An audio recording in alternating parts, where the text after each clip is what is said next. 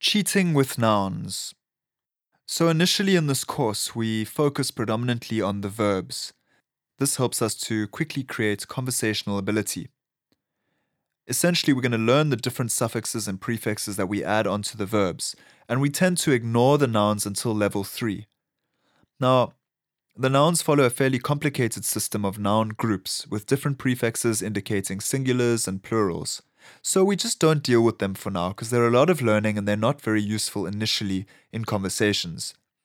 However, as a simple cheat, and don't tell anyone I taught you this, if you want to talk about a noun, if there's just one thing, just put an e on the front, such as a computer, e computer, or a microphone, e microphone.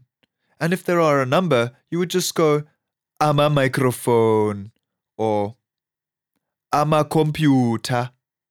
This will get you by for now, but of course, we need to learn the noun groups and we will do so properly starting in level 3.